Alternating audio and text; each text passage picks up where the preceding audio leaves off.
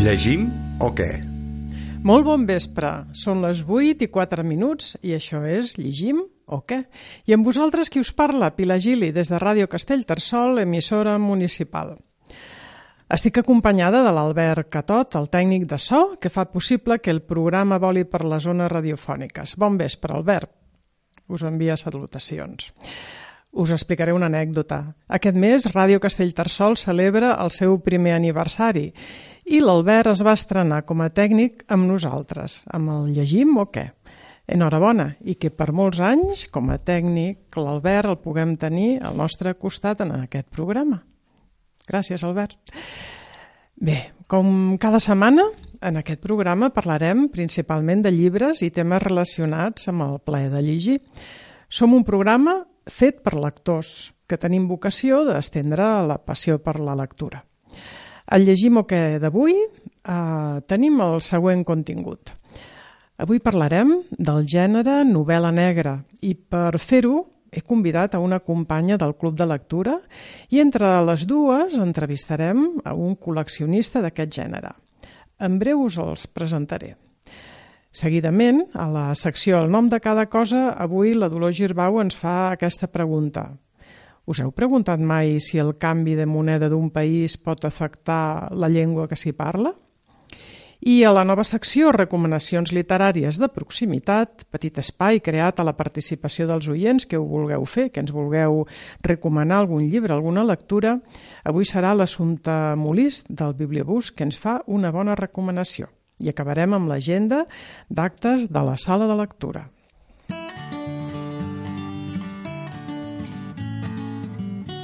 Llegim o què? Doncs eh, llegim, llegim, llegim força. Eh, fa unes setmanes que vaig pensar que seria bo parlar d'algun gènere literari. Bé, concretament vaig pensar que seria interessant parlar de gènere negre i, sorpresa, de cop i volta tots els astres es van alinear amb la idea. Sense saber-ho, eh, sense saber prèviament eh, el, el programa d'avui, de concretar-lo, després vaig, ve vaig veure que coincideix amb la celebració de la Setmana Internacional Barcelona Negra 2019, que té lloc entre el 24 de gener, o sigui, demà, i el 3 de febrer, i que plega diversos actes a diferents localitzacions de la ciutat de Barcelona. Crec que és la 14a edició. Uh, si us agrada el gènere, és interessant acostar-s'hi i, i estar present a alguna de les taules redones o conferències que s'hi faran. Després, uh, un bon amic em recomanava parlar, si és que volia tocar aquest tema, amb un gran col·leccionista de novel·la negra i em va facilitar el seu contacte i l'entrevistarem seguidament. I tot van ser coincidències al voltant de la idea de fer el programa d'aquest gènere. També va coincidir que sortint un dia del cineclub amb la Maria Piella m'explicar que era una bona aficionada al gènere negre. I bé, ja us hi he avançat. Està aquí al meu costat, que l'he convidada en el programa. I finalment l'assumpte, que ens farà una recomanació, tampoc sabia que avui parlaríem de novel·la negra i ella va recomanar un, un llibre d'aquest gènere. O sigui que, ja veieu, tots els astres ens en, es van alinear per abordar avui aquest tema. Crec que ens sortirà bé el programa. Però, mare meva, quan he començat a preparar-ho he sigut conscient que m'he posat en un bon jardí. Bé, jo diria que en un gran bosc. El tema és amplíssim perquè és un gènere que ha evolucionat al llarg del temps i té en si mateix molts subgèneres. La cerca ha resultat, no obstant això, molt interessant i al cap i a la fi vaig dir, bé, això és qüestió de dedicar-hi més d'un programa. Però comencem ara amanint el tema amb una miqueta de música inspiradora. Mm Mm-hmm.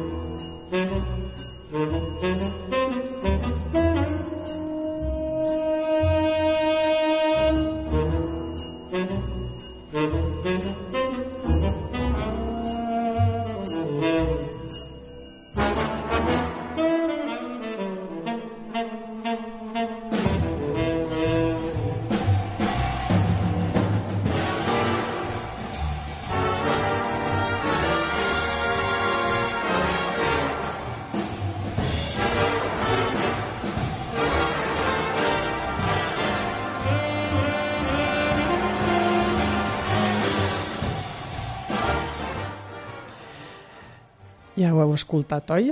Pantera Rossa, la música del magnífic compositor Henry Mancini. Bé, tal com us deia, el tema és extens i variat i per això he convidat a una companya del Club de Lectura, la Maria Piella, que molts ja deveu conèixer. La Maria és filla de Castellcir, viu a Castellterçol, mare de dos fills i treballa a la llar dels abets de Moia com a educadora. Em consta que és una persona amb moltes inquietuds, entre les quals la lectura, i està convidada avui aquí perquè sóc coneixedora que li agrada llegir aquest gènere. Ella ens parlarà d'alguns dels seus autors i obres predilectes i d'alguna cosa més. Ens ajudarà a posar llum en aquest gènere. Bon vespre, Maria. Gràcies per ser Hola, aquí. bona tarda.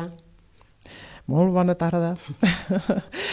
uh, bé, a veure, quan parlem de gènere negre, de què estem parlant? Mm, De novel·la de detectius, de lladres i serenos, de novel·la policíaca, de novel·la negra, de misteri, d'acció, de terror, de thriller, al cap i a la fi, es tracta d'històries amb robatoris, assassinats, corrupció, emocions, suspens... Jo, la veritat, quan agafo un llibre, fins ara no... Fins, a, no, no, no m'hi havia fixat gaire o no m'hi havia volgut fixar gaire de quin subgènere eh, dins de la novel·la negra mm, era la, la que havia trobat, triat i estava, i estava llegint. Però ara m'hi fixaré més. Però tot i així em penso que és bastant difícil. Eh, no està tan delimitat això. Tu què creus? Sí, sí, és, és complicat, és complicat. Però bueno, a veure, que consti que jo sóc una aficionada, eh, només. Bé, ja em dic Però- que aquest és un, és un programa fet per sí, lectors, eh? Sí, sí, sí. Sempre m'ha agradat molt tant la novel·la policiaca com la novel·la negra, com de misteri, eh, perquè ja quan era petita, bueno, molt jove, de 11 o 12 anys, doncs ja vaig començar a llegir l'Agatha Christie, després el Sir Arthur Conan Doyle, amb el Sherlock Holmes, i bueno, sempre he llegit molt, eh, sobretot aquest tipus de novel·les, no? Però bueno, jo ho intentaré, però suposo que, que quan, quan entrevistis el senyor Ramon Plandiure, ell ho podrà fer més bé, almenys alguns dubtes que tinc potser me'ls podrà aclarir, eh? Avui en dia moltes novel·les són una barreja de diferents gèneres, però és important tenir clar alguns conceptes per així poder triar millor el que vols llegir o el que t'agrada. Em sembla que començaré per la més fàcil, que és això que has dit de, de les novel·les de lladres i serenos. Eh, així s'anomena, mm, novel·les de lladres i serenos, a les novel·les de detectius de forma popular i col·loquial. És un terme que es va començar a emplear als cinemes de, de barriada barcelonins. Uh -huh. Després, bueno, me n'has dit moltes a veure. La novel·la de misteri, eh, aquesta no ho sé gaire jo, perquè també es barreja molt a vegades amb novel·la negra, eh, amb novel·la de detectius. Eh, en principi, una novel·la de misteri vol crear una incertesa en el lector i resoldre alguna incògnita. Eh, L'investigador, em sembla que pot ser tan professional com un aficionat, junt amb el lector, han d'anar solucionant i completant un puzzle que desvela la identitat del criminal. Eh, hi poden haver també pistes falses, eh, a vegades no hi ha ni un crim en aquest tipus de novel·les, i, bueno, no sé, jo, per exemple, com a representant podria dir, no sé, l'Stephen King o, no sé, no sé massa, eh, perquè d'això potser no n'he llegit tant. Bueno, després, per exemple, el thriller, m'has dit, oi? Sí. Doncs un thriller, no sé, com les pel·lícules, més o menys. Eh, el que pretén és commoure, entretenir, emocionar, sentir por, sentir alegria, i tots aquests sentiments es van su succeint i mantenen l'atenció del lector. Um, el protagonista aquí sol ser una persona, una persona comú que llu lluita contra un antagonista, que pot ser un psicòpata, pot ser un terrorista, bueno, mm, diferents tipus de persones, no? Potser de, dels thrillers se n'han fet més pel·lícules, sí, no? Sí, eh que sí? sí, perquè clar, és- és això, vull dir... Dóna creen- joc. Sí, exacte. I en aquí sí que necessàriament no hi ha, no hi ha d'haver un crim, eh? Um, un, un subgènere, un, un derivat d'aquest poden ser les novel·les de suspens, que són com thrillers, però en aquí el lector té més informació que el protagonista i això fa que, que, que estiguis doncs, molt a l'expectativa de veure el que, el que passarà, no? Mm, quin altre m'has dit? De terror. Bueno, això són doncs, com les de pel·lícules, el mateix, que sí. desperta emocions sempre més relacionades amb la por, però és el mateix que, que el thriller, més o menys, no? I tens idea de com, com va néixer tot això de la, de la novel·la de misteri, de la novel·la sí, negra? per exemple, a veure, per exemple, la, bueno, a mi em sembla que, que la policíaca, que és diferent de la novel·la negra, eh? Uh Mhm. -huh. com a gènere, aquesta mm, va néixer al segle XIX, clar, sempre s'ha escrit sobre crims, sobre com se solucionen, però com a gènere, jo diria que, que mm, això va néixer al segle XIX amb, amb un detectiu que vol resoldre un enigma criminal a través de la indagació, l'observació i la deducció. I, i l'autor que va començar això doncs, va ser l'Edgar Allan Poe als Estats Units que mm, bueno, va crear un detectiu que, que això que resolia doncs, tots els casos eh, que era l'August la pronunciació meva no sé, del francès Bueno, no. Dupin o, o alguna així, eh? escrit Dupin i l'Edgar Allan Poe doncs, va fer mm, llibres com Els crims de la calle Mort, La carta robada, bueno, vàries. Era, a part d'escriure novel·la d'aquest tipus, de- d'enigmes, doncs també era metge, escrivia poesia, teatre, contes curts, bueno, va ser un, un, un gran escriptor, no? però jo crec que és el que ho va començar tot això. Després el seu model doncs, el van seguir, doncs, per exemple, el Sir Arthur Conan Doyle amb el Sherlock Holmes, Que, per cert, amb el Sherlock Holmes hi ha, un, hi ha una anècdota, no? Sí. Sí, segons he llegit, uh, bé, el, primer no, no van ser novel·les en format llibre que el, que el, que el Conan Doyle uh, publicava, no? sinó eren com fascicles dintre de revistes, que això eh, en aquell temps, al segle XIX, es feia bastant. Sí. No? Abans d'arribar a publicar un llibre, doncs primer es publicaven com capítols a, a revistes. I va arribar un moment doncs, que ell va decidir eh, matar el seu protagonista. Ah, sí, sí, sí, és Eh? veritat, Te'n sí. recordes? Sí, sí. I llavors doncs, va haver-hi un clam popular, una revolució... Perquè i... tots volien que continués Ah, amb les històries, sí. sí, sí. I va tenir que retornar. Sí, va, eh? el va fer reviure també, sí. Sí, sí. sí, sí, molt bé. Doncs, bueno, això, doncs, el Sherlock Holmes amb el seu estimat Watson, Uh-huh. eh, i aquí, doncs, bueno, és allò de que, que deien, doncs, de, que li deia sempre de elemental, estimat Watson, perquè tot, doncs, era això... Mm, eh, un treball d'indagació i de deducció que, que, que et portava a la solució del problema, no? En aquí es veia molt clar doncs, la diferència entre els bons i els dolents, i això ho feia potser un, un tipus de novel·la no massa realista, no?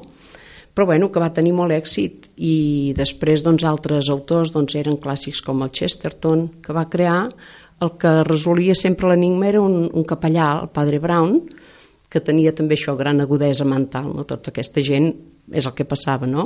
Després també van influenciar, doncs, per exemple, amb l'Agatha Christie, que bueno, va vendre més de 2.000 milions de llibres eh? i més de 100 títols tenia. Bueno, I tots coneixem doncs, els seus personatges, l'Hercules Poirot i la Miss Marple. Clar, aquí a vegades parlem de detectius, però hi havia gent que tampoc era detectiu, perquè la Miss Marple, per exemple, no era detectiu, no? I Sí, també sí, va, de persones qualsevol clar, que... clar, que tenien això, doncs, aquest do doncs, de saber resoldre enigmes, pista de seguir una pista, d'anar anar observant, no?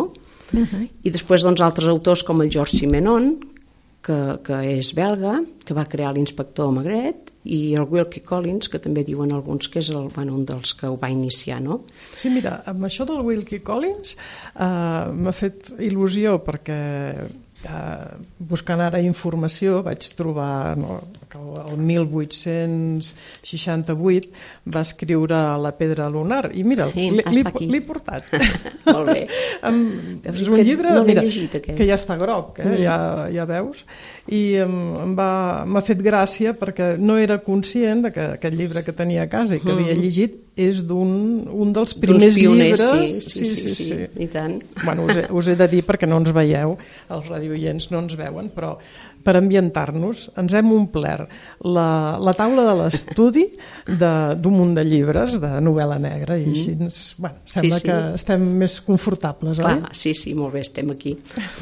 Uh, de les classificacions que deien, per exemple, hi havia la de detectius. Per mi, jo crec que les de detectius abarquen tant aquest que acabo d'explicar, que és la, que és la novel·la el, de, aquest, aquest dit de, de, de policíaca, uh -huh. Com la novel·la negra, perquè en totes doncs, es dona un delicte, un crim, una investigació que es porta a terme i un personatge que s'encarrega del cas. Això és comú en totes. Jo, per tant, diria això, que detectius tant és una com l'altra, no? Però després aquí surten moltes diferències amb la novel·la negra, que jo ja us dic, primer em va agradar molt la policiaca, però després quan vaig descobrir la novel·la negra amb la, amb la col·lecció, que aquí també tenim tot d'exemplars de, de uh -huh. la cua de palla, uh -huh. Doncs eh, Ah, m'hi vaig abocar ens hem molt més. repetit. Ai, sí, el Mira, carter, el carter sempre truca dues vegades, Sí, del ja James tinc Cain. Sí, la sí. gran dormida, el del Hammett, que em sembla que va ser el primer. Mhm. I clar, aquesta novel·la negra doncs, és molt diferent de l'altra, no? perquè mm, aquesta habitualment denuncia una societat en crisi i és molt més realista que l'altra, no? és molt més, toca molt més de peus a terra. No? Aquesta, eh, la novel·la negra, mm, va començar doncs, als anys 20 als Estats Units, mm, quan eh, doncs, bueno, primer havien sigut els feliços anys 20, diguéssim, però després, doncs, esclar, arrel de la Guerra Mundial, de la crisi del 29, del crac de la borsa, després de la llei seca i tots uh -huh. aquests problemes, doncs, bueno, es va, van haver-hi molts canvis, no? Bueno, va I- sortir la, la màfia, els Exacte, el gàngsters... crim organitzat, Ah, la màfia, els gàngsters, la corrupció policial al darrere, eh, bueno, i, i clar, tot el que eren novel·les d'aquest tipus eh, es van dedicar molt més a, a, a fer una descripció molt dura de la realitat, no? I després, bueno, la, cla- clar, amb tot això, doncs, què passa? La classe obrera creix i també doncs, tenen unes demandes d'oci, de- d'entreteniment i tal, i apareix una, apareix el que se'n diu el Pulp, que és una novel·la per entregues, en aquí també, no? Uh -huh. I una revista que es diu Black Mask, que també estava, bueno, era un paper molt barat i també dirigit doncs, això als, als proletaris i així. Jo primer em pensava, després al cap d'uns anys també a Europa va sortir el que es deia la sèrie noir o, o roman noir, em sembla. Uh -huh. Clar, jo pensava que negre, mm, no sé, que venia doncs, per això del, del nom francès o del nom americà, uh -huh. però no, no, no, resulta que això del negre és doncs, perquè en aquí doncs, deixa de... de bueno, és perquè és la, el retrat d'aquesta societat tan fosca, no? tan dura. Les zones obscures de la Exacte, societat, sí, i passa de ser doncs, això que tot eh, era eh, amb l'altre tipus de novel·la policíaca, doncs blanc-negre, doncs aquí tot és gris.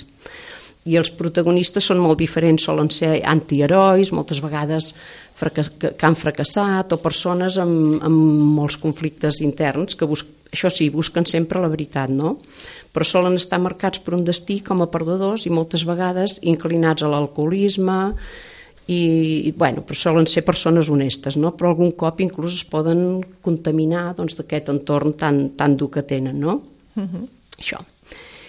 I bueno, no sé eh, què I més... t'has fixat una cosa, que eh, molts dels autors fan una serialització, no sé com dir-ho, de- del seu personatge, no? Mm. Eh, treuen diferents llibres i sempre el protagonista és el, és el mateix, Ah, sí, no? sí, això això des que- dels començaments, Sí. des del Sí. Sherlock Holmes, Sí. fins ara la Sí, sí, novel·la nòrdica més moderna Sí, sí, sí, sí. Eh, i que ara està tan de moda, no? Eh?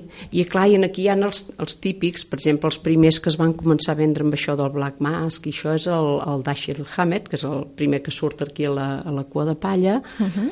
o, el, o el Raymond Chandler, que, uh -huh. que bueno, el Dashiell Hammett eh, va crear el, el detectiu el Sam Spade, que, que bueno, es va fer molt famós doncs, eh, quan, quan van fer les versions cinematogràfiques que ho feia el Humphrey Bogart que bueno, Humphrey Bogart feia de tot perquè, perquè el segon bueno, el, segon au- autor que també, bueno, també feia novel·la negra doncs era el Raymond Chandler per exemple, que va crear el Philip Marlowe el de Largo Adiós el Sueño Eterno i això doncs que també bueno, també el feia el Humphrey Bogart, es veu al cine.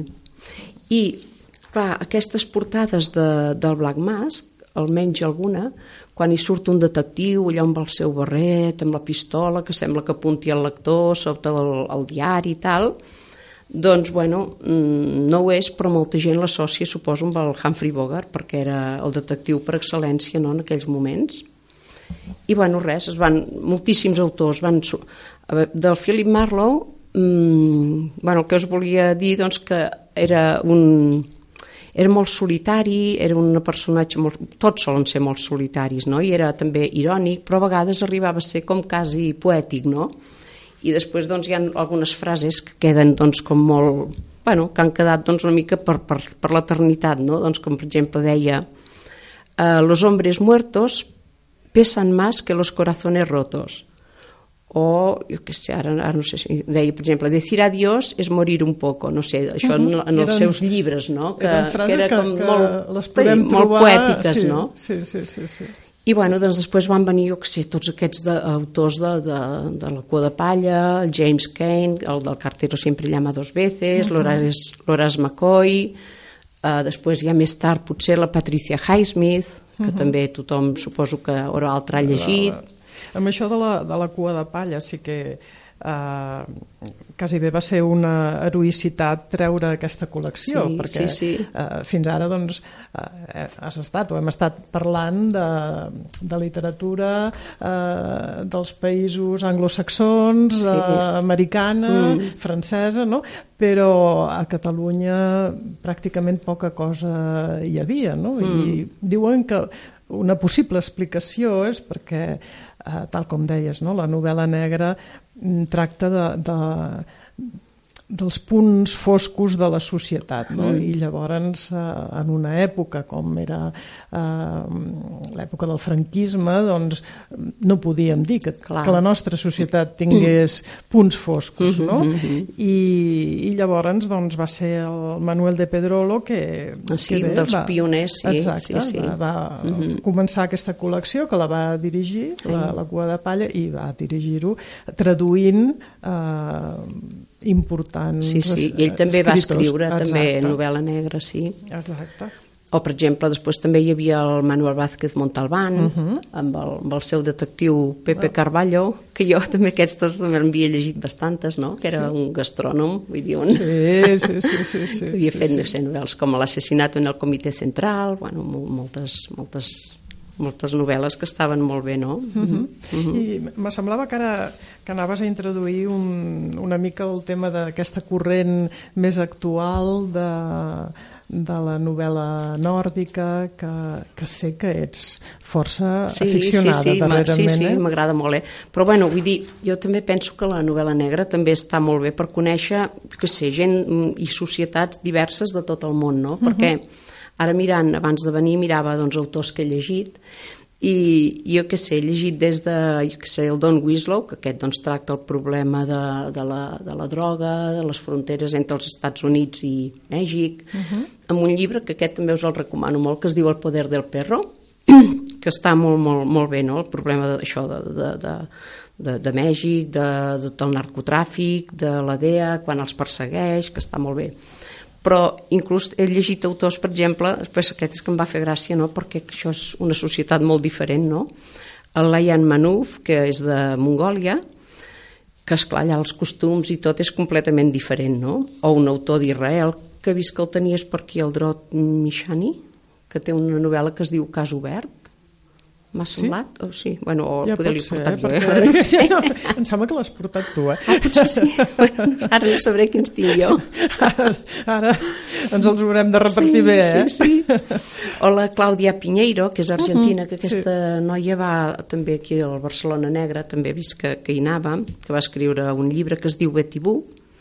El Deon Meyer, que és de Sud-àfrica, que, que aquest senyor escrivia en afrikaner i tractava doncs, bueno, eh, el tema de, de, de l'apartheid aquí a Sud-àfrica i tal. Doncs té lli- llibres com Safari Sangriento, El corazón del cazador, bueno, està bé.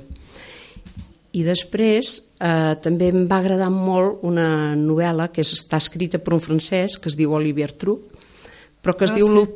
L'últim Lapó, que va doncs, això de Lapònia i de, de la policia dels rens i tal. Però sí, tens raó, eh? a mi el que m'agrada molt, molt, molt és la, la, la novel·la nòrdica, no? Ahà. Sí, perquè aquest del truc que dius, si no estic equivocada, eh, és francès, però em sembla que viu... Sí, sí, eh, és un corresponsal i sempre està pel nord. Ah, per allà. mateix, sí, sí, coneix bé la societat, Sí, sí, escriu, sí, sí, sí. sí, sí. Mhm. Sí, ara actualment jo diria que hi ha, jo que sé, diferents tendències no? que es podríem anomenar. Per exemple, l'anglosaxona, que aquí podríem posar doncs, els autors tant europeus com americans, Eh, en les seves novel·les doncs, predomina l'acció i també hi ha un gran pes de la investigació criminal i una exploració també del baix, dels baixos fons, com moltes vegades, no?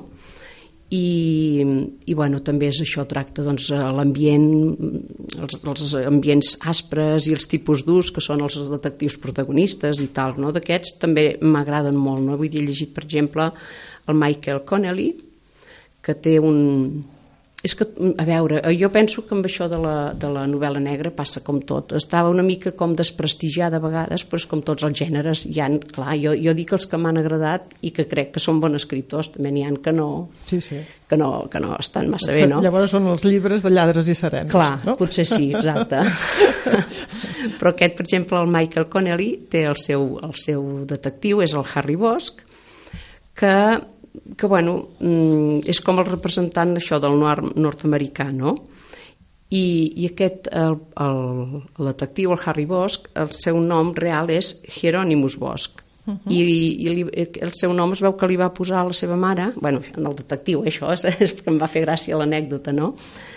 Um, perquè li agradava molt el Jardín de les Delícies de, del Bosco, que és un pintor flamenc, uh -huh i bueno, després li va posar Hieronymus Bosch, però esclar, el van acabar dient només Harry Bosch, no? Però altres autors que hi han que també escriuen molt bé és el Dennis Lehane, que és el que, per exemple, que ha fet el Mystic, Mystic River, per exemple, i moltes novel·les que s'han adaptat al cine. El Ian Rankin, que és escocès, amb el seu protagonista, que és el John Rebus. Uh, el Benjamin Black, que aquest senyor, bueno, és un pseudònim, això és un pseudònim i el seu nom és John Banville i també, doncs, bueno, um, també està, em sembla que també va a la Barcelona Negra, jo diria. Bueno, a part d'aquesta tendència anglosaxona, hi ha la vertent nòrdica i la proposta mediterrània. Uh -huh. Però no sé si... Uh -huh. Mira, ara eh, posem res, un puntet de música per relaxar-nos i en seguida passarem eh, al L'Albert ens passarà la connexió telefònica amb el nostre col·leccionista de luxe. Molt bé.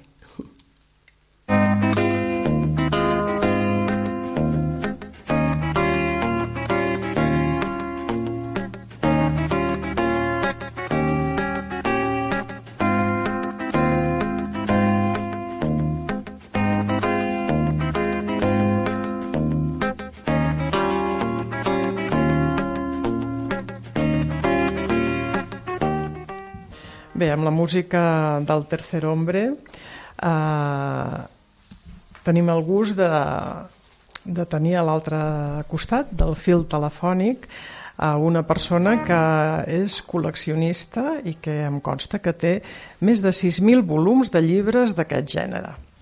Uh, tenim el senyor Ramon Plandiura. Bon vespre, Ramon. Bon vespre. Moltes gràcies per dedicar uns minuts del teu temps als oients de Ràdio Castellterçol. Eh? Home, vosaltres per parlar d'aquest tema. uh, deixa'm que els expliqui als radioients qui és el Ramon Plandiura i Vilassís. Uh, el Ramon és, és advocat, uh, actualment està gaudint des de fa pocs anys de la seva situació de jubilat, però crec que porta una vida molt activa. Porta a la seva esquena més de 50 anys d'exercici professional, és especialista en legislació educativa i va ser professor associat a la Universitat Pompeu Fabra. Ha estat vinculat com a docent i investigador a aquesta universitat i a la Fundació Jaume Bonfill, autor de de nombroses publicacions i llibres sobre polítiques educatives, polítiques públiques locals... En fi, si aneu a la pàgina de la Fundació Jaume Bofill podeu trobar bona mostra de llibres de, que ha publicat com a autor i com coautor i alguns vídeos eh, de conferències del moment en què estava professionalment en actiu. I... Sí, però, però un fracàs perquè no, no, no he escrit encara cap novel·la negra. Mira, Uh, això és l'última pregunta que et, tenia, que et volia fer. Però mira, comencem per, pel principi. no has escrit cap novel·la negra, uh, tu tan, tan al costat com advocat no? de, tota, de tota la judicatura, potser no t'ha inspirat prou? Sí, sí, hi, ha, hi ha hagut moltes situacions que inspiraven, però m'he entretingut amb altres coses. I, i sempre dic una altra cosa amb la que, amb la que entretenir-me. Bueno, Bueno, però Això és encara, perquè- encara, encara queda temps, eh? Encara I queda tant, temps. i tant que sí. Eh? Això és perquè es tenen moltes, moltes aficions. A més a més, crec que una de les teves aficions és anar a collir bolets. I per aquí, a Castellterçol, mm, se t'ha vist alguna vegada buscant bolets. Tens certa vinculació amb Castell, de, Sí, des de fa no anys, eh? Però no us, no us explicaré on. Ah, no, això no ho fa cap. Però crec que uh, fa alguns anys enrere havies fet alguna estada aquí al poble, oi que sí? Efectivament, sí, fa molts anys que vaig compartir amb un- uns companys una casa aquí a Castelldessou, una masia. Eh? Uh I, -huh. allà, i, I allà a prop de la masia, doncs, al final vam anar coneixent bé els boscos, no? Sí, sí. I, i hi ha uns quants llocs que sabem que hi ha, hi ha moltes coses, no? Però a part d'aquesta de l'època de bolets, hi ha prou bolets, eh? Molt bé, molt bé. Mira, et, volia, et volíem preguntar, estic aquí al meu costat, tinc a la, a la Maria Piella, que és una companya del, del Club de Lectura i que també és molt aficionada al gènere negre. I et volíem... Bueno, com és que, que un advocat especialista en polítiques educatives de cop i volta es torna un aficionat i col·leccionista per un gènere que durant molts anys ha estat com menys tingut? I això ho, ho he explicat alguna vegada, que justament m'hi va introduir aquí un, un, un, una persona uh -huh. un, molt saberuda, eh, que, que, que és en Fabricio Caivano, que era director de la, de la revista Quadernos de Pedagogia, Sí. que, era una, que és una revista també per gent molt iniciada, eh, i un estiu que en què vam coincidir, ell llegia novel·la d'aquesta, novel·la, novel·la negra. I jo me'l mirava i dic, com és que tu, un home tan saberut, un intel·lectual com tu, llegeix aquestes coses. I després ell em va dir, diu, prova'n una. I jo, home, no. I al final em vaig provar una. I te'n recordes de quina era? Sí, era la collita roja, de, Ah, de de Hammett. Dashiell Hammett. Bueno, el, el millor de tots, no? Des de llavors que ja estic enamorat d'en Dashiell Hammett i no, cap ha pogut superar-lo, eh? Molt bé, molt bé. Però vaig començar així, i llavors a partir d'aquí vens els estius, i després ja ho amplies una mica el que no és estiu. Però va, això fa tongades. Hi ha tongades que, que llegeixes, eh, molta novel·la negra, i moltes temporades que, que passes, temporades que col·lecciones, et passen anys que tens la col·lecció abandonada. Això és un, són irregularitats darrere d'altres, no? Bueno, això deu ser una tònica general dels col·leccionistes, no? Efectivament, sí. Diu, diuen, diuen que sí, que passa que, que tenen aquests puges i baixes. Sí, sí. I al, I al llarg de la teva vida com a col·leccionista has pogut notar alguna evolució en el gènere? En, en quin sentit, potser? Bé, home, eh, es- es- especialment cap a primer que, que la novel·la americana, doncs, eh, eh, encara que continua siguent, ja no domina tot el panorama, sinó que han irromput eh, eh, els escritors nòrdics, els mediterranis, uh -huh. eh, ha una nova, aquí a Catalunya una nova generació de- d'escriptors de, joves, hi ha hagut, sí, efectivament, hi ha hagut un, una evolució i sobretot que ara un, tothom pot dir que llegeix novel·la negra amb una gran tranquil·litat i més aviat pot dir si tu, tu no llegeixes novel·la negra Sí, doncs això no ha canviat, de, això. de com és la societat tu, on, on, on, on, llegeixes com és la societat si no llegeixes novel·la negra i és que eh, és a dir, que ara més aviat la novel·la negra eh, jo crec que està eh, està, jo diria que està prestigiada Sí, sí, sí, sí. I inclús ara que dius no, que et serveix per conèixer la societat, eh, no sé si estaràs d'acord amb, amb una classificació entre el gènere de novel·la negra eh, americà, el mediterrani i el nòrdic. Podria ser una, una classificació excessivament Home. simplista o... Bueno, doncs potser per fer-ho simplificar-ho, els, els nòrdics no mengen. els detectius de- i els policies mai els veuràs al, al voltant d'una taula. Sí, això és veritat. Sempre fan coses, però no mengen, per això probablement són tan tristos i avorrits. Eh, eh, eh. Els, eh, els, eh, els americans, a la que et descuides, ja, ja van a prendre una copa que sempre la tenen preparada i una ampolla ja que tenen preparada, i els mediterranis, doncs, escolta, eh, si hi ha un plat pel mig, un bon dinar pel mig, doncs no, no, ja, ja no estan satisfets, no? Sempre forma part de l'argument, I eh? això, i això, i, i això di- dibuixa ja el tipus de personatges. És a dir, són tres característiques diferents, un trist, eh, apagat, Més així que és, el, que és el nòrdic, Uh uh -huh. -huh. aquest que és imprevisible, eh, eh, eh, que és l'americà, i aquest que és el bon vivant, que és el mediterrani. La Maria et volia preguntar ara una cosa. Bueno, no, i a vostè personalment quins li agraden més?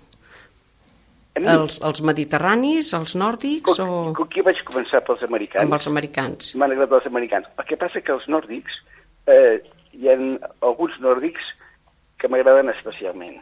Mm.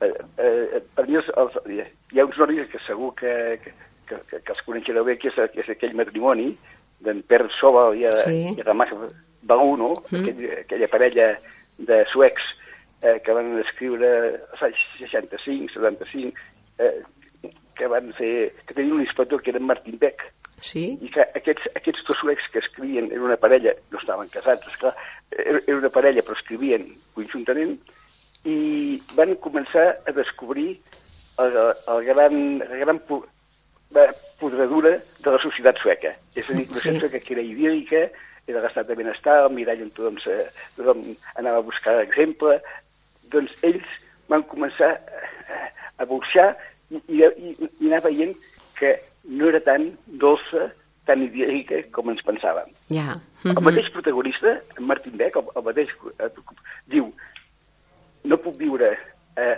eh, al mig de la ciutat perquè és massa car i m'han enviat a l'extraradi. És a dir, tinc viure a l'extraradi. Això, en una societat sueca, eh, de, dels anys del benestar, un comissari de policia que, per tant, hauria de tenir un sou, ell ja explicava això. Per tant, eh, eh, ja comencen a, a dir coses que després, malauradament, s'han anat, anat s'han complint, anat sí, sí, sí. I en més actuals, més d'ara, com per exemple, bueno, que també està mort ja el Henning Mankell o el John Esbo, aquests li agraden o...? Sí, eh, a, a, a manca de qui no agrada. Eh, eh, Sí, eh que sí? Eh, és, és que aquest, eh, aquest, eh, aquest eh, eh, per, per descomptat, és, és, és el prototipus de, de, de trist, eh, un matrimoni trencat, eh, en fi, eh, és un... Així. Però probablement el que, el que a mi m'agrada més ara, si tingués de dir, Mm? no, no serien els suecs, sinó que serien el- els islandesos i particularment eh, Arnaldur i Indianson. Ah, sí? Mhm. Eh, el coneixes, aquest? Sí, sí, sí. Sí. Ja fa temps que el vaig llegir, sí. Bueno, almenys tres llibres, sí, que Molt no bé, recordo els títols. Doncs aquest, clar, què passa, què passa eh, eh, amb els islandesos? Que una isla que té 350.000 habitants o una cosa així, que resulta que, que tots són poetes, perquè allà no hi ha un sol islandès que no, que, que, no sigui poeta. Eh, Una, una illa que no hi ha arbres ni res i que si mates algun no et pots escapar per enlloc. Un lloc així, doncs, que ara doncs, ha produït una, una bona saga d'escriptors, i entre ells aqu- aquest Arnaldur Ringerson, que és, eh, que és realment interessant. Sí, sí, El que a mi també m'agrada molt. Gent molt, gent molt trista. Eh. Eh, El, el seu protagonista, qui és el seu protagonista? El seu protagonista és una persona que em sembla que el, eh, mira sempre cap al passat, el seu fill, eh, em sembla que un germà seu va, va desaparèixer de petit, eh, Sí, també sí, separat, sí, sí, sí. eh, no es parla amb la filla o, o, o, o té el delicte. Sí, és un personatge, un quadre eh, lamentable. Sí, Tot sí. i així, els seus llibres són, eh, són interessantíssims. Sí, sí, són és veritat. d'una- eh, Tu, si s'ha llegit, eh, eh, que són, són, són com lírics, com són, eh, són d'una tendres, no? Sí, són, sí, sí. Eh, els mires i no, no sé, semblen unes coses eh, que t'entren bé, plàcides i bé, amb un personatge tan adormentat. Sí, i tant. Eh, Jo em sembla que em vaig aquesta- aficionar a això, a la novel·la nòrdica, amb aquest autor i amb el Mankel, amb aquests dos. Doncs, eh, doncs és que, com que, com que és un personatge, és un personatge que és tan tenebrós, perquè dius, ostres, quin personatge més tenebrós, quina vida que té aquest pobre, aquest pobre inspector. Però, llavors, ta- tal com, es, tal com escriuen eh, Arnaldur, doncs és una... És, és, eh, és, és molt poètic, és, és, és, és molt maco. Ai. Aquests Amb- amb- aquests llibres s'haurien de, de recomanar. Si algú volgués començar a llegir... Això. Eh, la, la dona de Bertra, aquesta, Ah, sí. Ah, això Eh, jo, jo crec que aquesta, si algú comença per aquesta, per aquesta novel·la, segur que s'enganxa i que continua. Doncs ja tenim, de la novel·la negra és no començar per segons quina. ja tenim tenim una bona recomanació, eh? La, la dona de verd, no sé gaire com es pronuncia aquest autor, Arnaldus Sí, es diu Indridsson, no? Arnaldur Indriasson. Indriasson. d'Islàndia, eh? un És- és un islandès. islandès, sí, sí. I aquest llibre, ti- tinc entès, la veritat és que no l'he llegit, però m'han parlat molt bé d'ell, d'aquest de la dona de verd, que és un llibre sobre el, fa una denúncia sobre la violència de gènere, sobre la, la violència a les Bueno, I dones. remunta eh, de, de l'ocupació dels americans, que ningú sabia que em sembla que, que, que Islàndia l'havien ocupat els americans, no? Sí, sí. Bueno, doncs I és- ta- també Són ha- històries fosques de quan hi va haver l'ocupació americana, no? A part de conèixer la societat, també ajuden a conèixer una mica de la història. Eh? Efe- efe- Efectivament, efectivament. Molt bé, molt bé. Uh, bé uh... Sí, i, en, i, en, i en Mankel també, bueno, com has dit tu, és molt interessant, eh? I, però potser el més corrosiu és en, és en Garson, no? Més, més que en Mankel. Sí. Eh, En Garson és el més corrosiu. I, però eh, jo alguna vegada, quan, quan, quan, llegi, quan llegia en Garson i el comparava amb, el, amb, el- amb la parella d'en d'en Sobel i, i, i, i la Walson, eh, i la, i la Raül, i quan, quan, quan, quan comparava els dos pensava el que ja deien en Pere Sobel i la Marc Bagú, eh, que ja ho apuntaven, aquesta podadura que hi ha a rerefons de, de, de determinats llocs de la societat sueca, amb, amb, amb, amb la novel·la de, de, amb les novel·les d'en Garson, doncs són una mica les mateixes que ja foren en tota la seva cruesa, no? Sí. Mhm. Probablement jo, si algú si estudiés una mica eh, el, aquests dos autors de l'any 65-75 i els comparés amb els que han vingut a començament del segle XX, potser se'n donaria compte de que com eren de profètics aquell, aquella parelleta, no? Sí, sí, tant. I, I el Larson també va crear, bueno, segons penso jo, no? el, una, el, el, el personatge de la Lisbeth Salander, Aquí a la hacker. que, la hacker, que, bueno, que és com molt feminista, no?, també, perquè, bueno, a vegades a, a segons qui potser no li cau massa bé perquè és una mica radical, però que a mi em va agradar molt. No, perquè, I... oh, perquè, perquè jo crec que respon als paràmetres més postmoderns, no? la manera de Mm. vestir, la manera d'actuar decidida que no està per, per, per històries, Sí. la manera de conversar, que conversa com els informàtics, monosíl·labs o poques paraules, no? Que no és Mm. una persona de grans explicacions, és a dir, és una persona mo- molt seva, no? Sí, Així, sí. Eh, Que al començament et sobta, però després t'acaba enganxant. T'acostumes, sí, sí, tant. Jo crec que, que aquesta trilogia també ha fet aficionar a la, A la al lectura, gènere sí, negre sí, sí, a, sí. a molta Eh? gent i a molts joves. Sí, eh? sí, sí. A mi em va alegrar molt perquè, bueno, jo ja l'havia llegit, després va ser un best-seller, i després tothom el va llegir, però bueno, almenys el podia comentar, no? perquè altres vegades no pots fer-ho, no? I sí, es va Home, llegir doncs, molt. Home, Suècia és un país freda on es diu que hi ha el, el percentatge de, de dones que han patit eh, eh, violència es diu que són uns percentatges molt alts, els més alts d'Europa, no? És que un país tan educat, tan Sí. modèlic, allà que tots se, se saluden amb reverència, que, que passin aquestes coses, és que... Sí, sí, Sí, sí, és molt És que, fort, és sí. que, és que hi ha dues societats, no? Mhm. Bé, Ramon, eh, la, la, la ràdio té els seus tempos eh? I, Ah, i estem arribant quasi al final i la veritat és que ens passaríem hores i està resultant absolutament agradable. Eh, eh, hem, Molt bé, molt bé. Hem, no hem parlat gaire de la col·lecció. Eh, és cert, Ah, no, és- és això igual, de, dels més de 6.000 llibres, quin Sí, però- problema té des, per després trobar-ne un quan vols trobar-lo? Bueno, perquè els, els tinc, tinc una base de dades ben, ben, ben ordenats, els tinc Molt bé. molt, molt, molt perfectament ordenats i no hi ha... I, i més o menys, eh, com que els he anat muntant jo, més o menys els conec, ja sé on estan. Molt bé, molt bé. Doncs que per molts anys puguis gaudir i potser en altres vegades eh, tinguem la- l'oportunitat de tornar a parlar del tema, bé sigui per ràdio, bé sigui buscant bolets a Castellterçol. Molt bé, quan, quan vulgueu. Moltes Moltes gràcies. gràcies. Que vagi bé, bona Moltes nit, gràcies. Bon vespre, adéu. Adéu.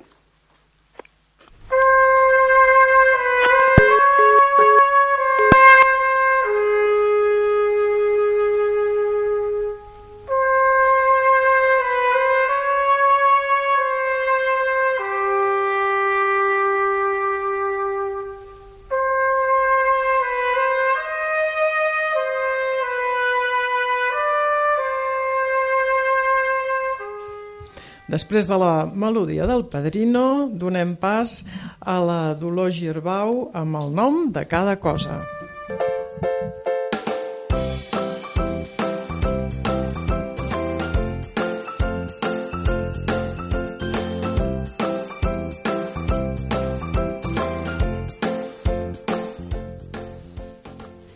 Heu pensat mai si el canvi de moneda en un país afecta la llengua? Acaba de fer 17 anys que va arribar l'euro al nostre país i encara sento qui no pronuncia ben correctament el nom d'aquesta moneda. Nosaltres, parlants del català central, hem de pronunciar la E ben oberta, com la del mot cinquè, i la O final pronunciada U, com la de carro, perquè no hi recau l'accent. Per tant, hem de dir euro. Els seus decimals són els cèntims, que tothom pronuncia correctament, és clar, perquè ja venien de les antigues pessetes. Per expressar aquesta subdivisió monetària, podem servir-nos de la conjunció i o de la preposició amb, per exemple. Quan val aquest rellotge? 47 euros i 25 cèntims o 47 euros amb 25 cèntims.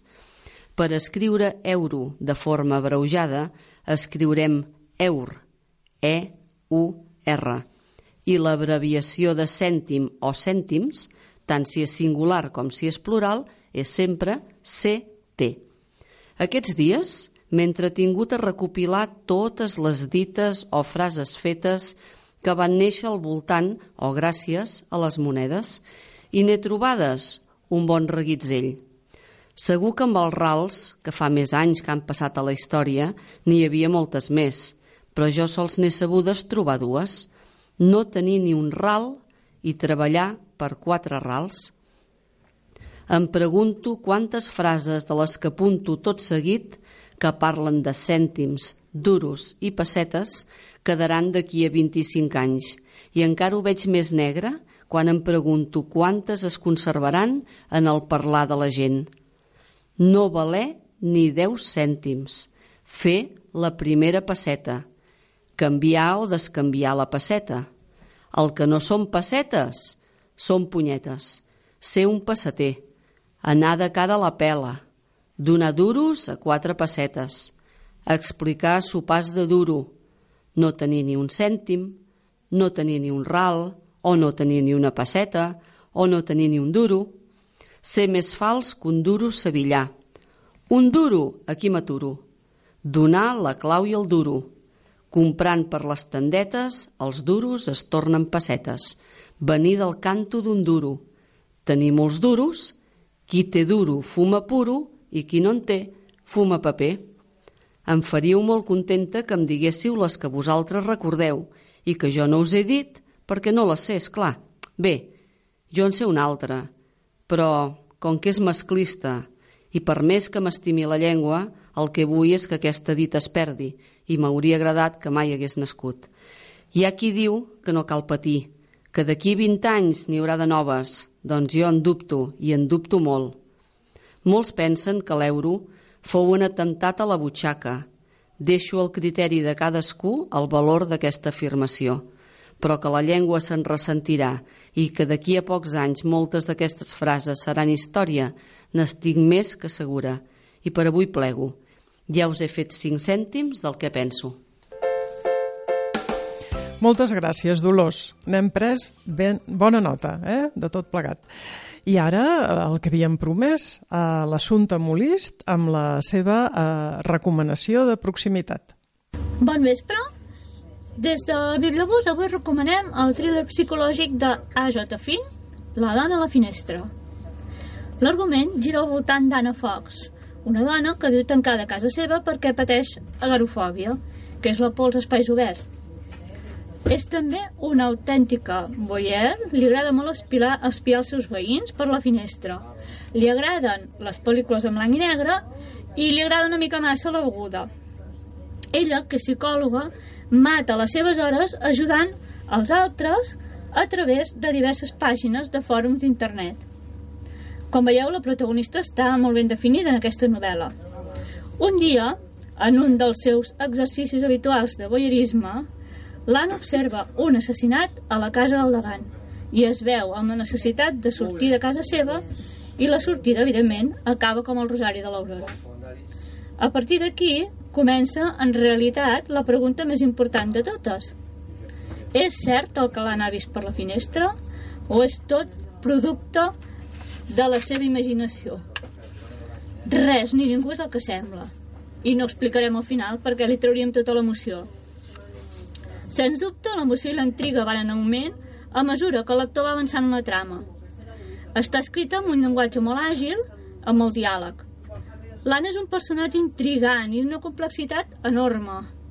Sovint desperta sentiments contradictoris i això és una de les coses que personalment més m'ha atrapat de l'obra.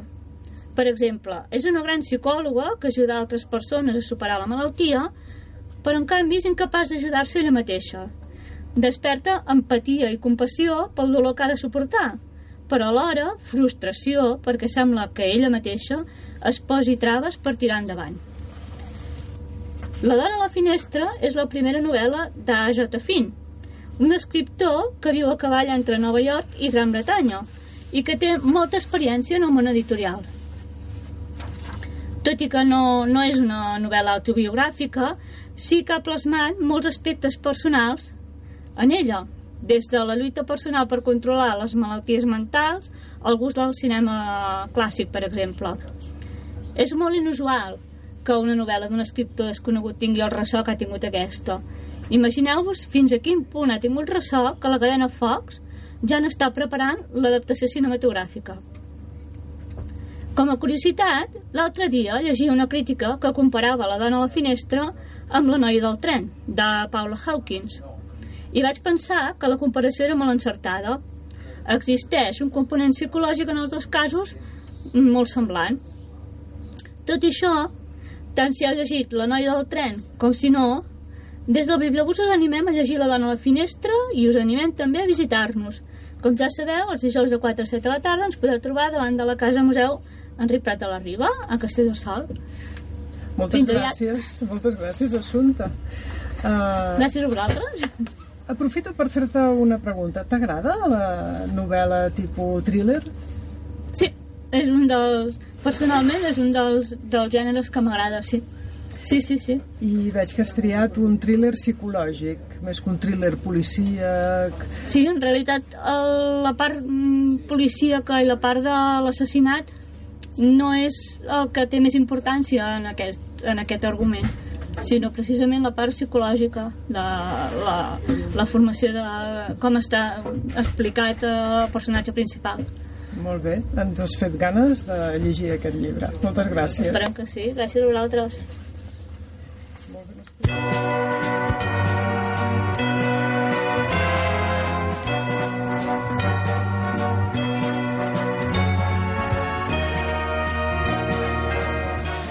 Maria, em sembla que els nostres oients avui s'han emportat un cabàs ple de bones recomanacions de llibres. Sí, bueno, Ah. millor. Eh que sí?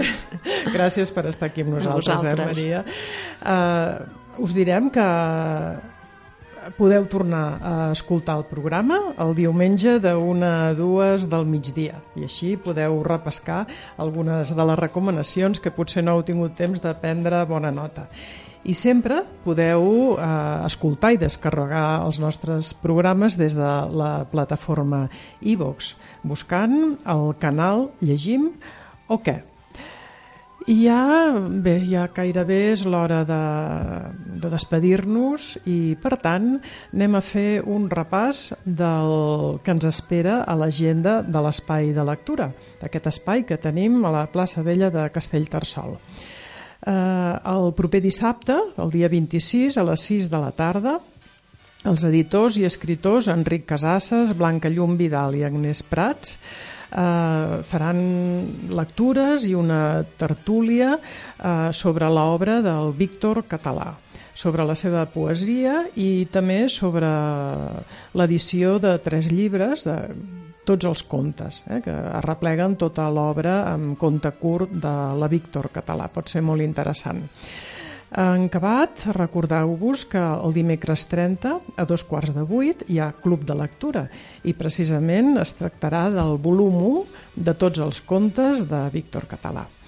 I a la mateixa sala podeu gaudir disfrutant l'obra artística, els quadres, d'en Joan Vilajoana, una exposició que es va inaugurar el passat dia 12 i que fins a final de febrer es podrà eh, veure tota la seva obra. I res més, eh, moltes gràcies per, per estar al nostre costat una vegada més i us esperem la setmana vinent. Adeu. Adéu. Thank you.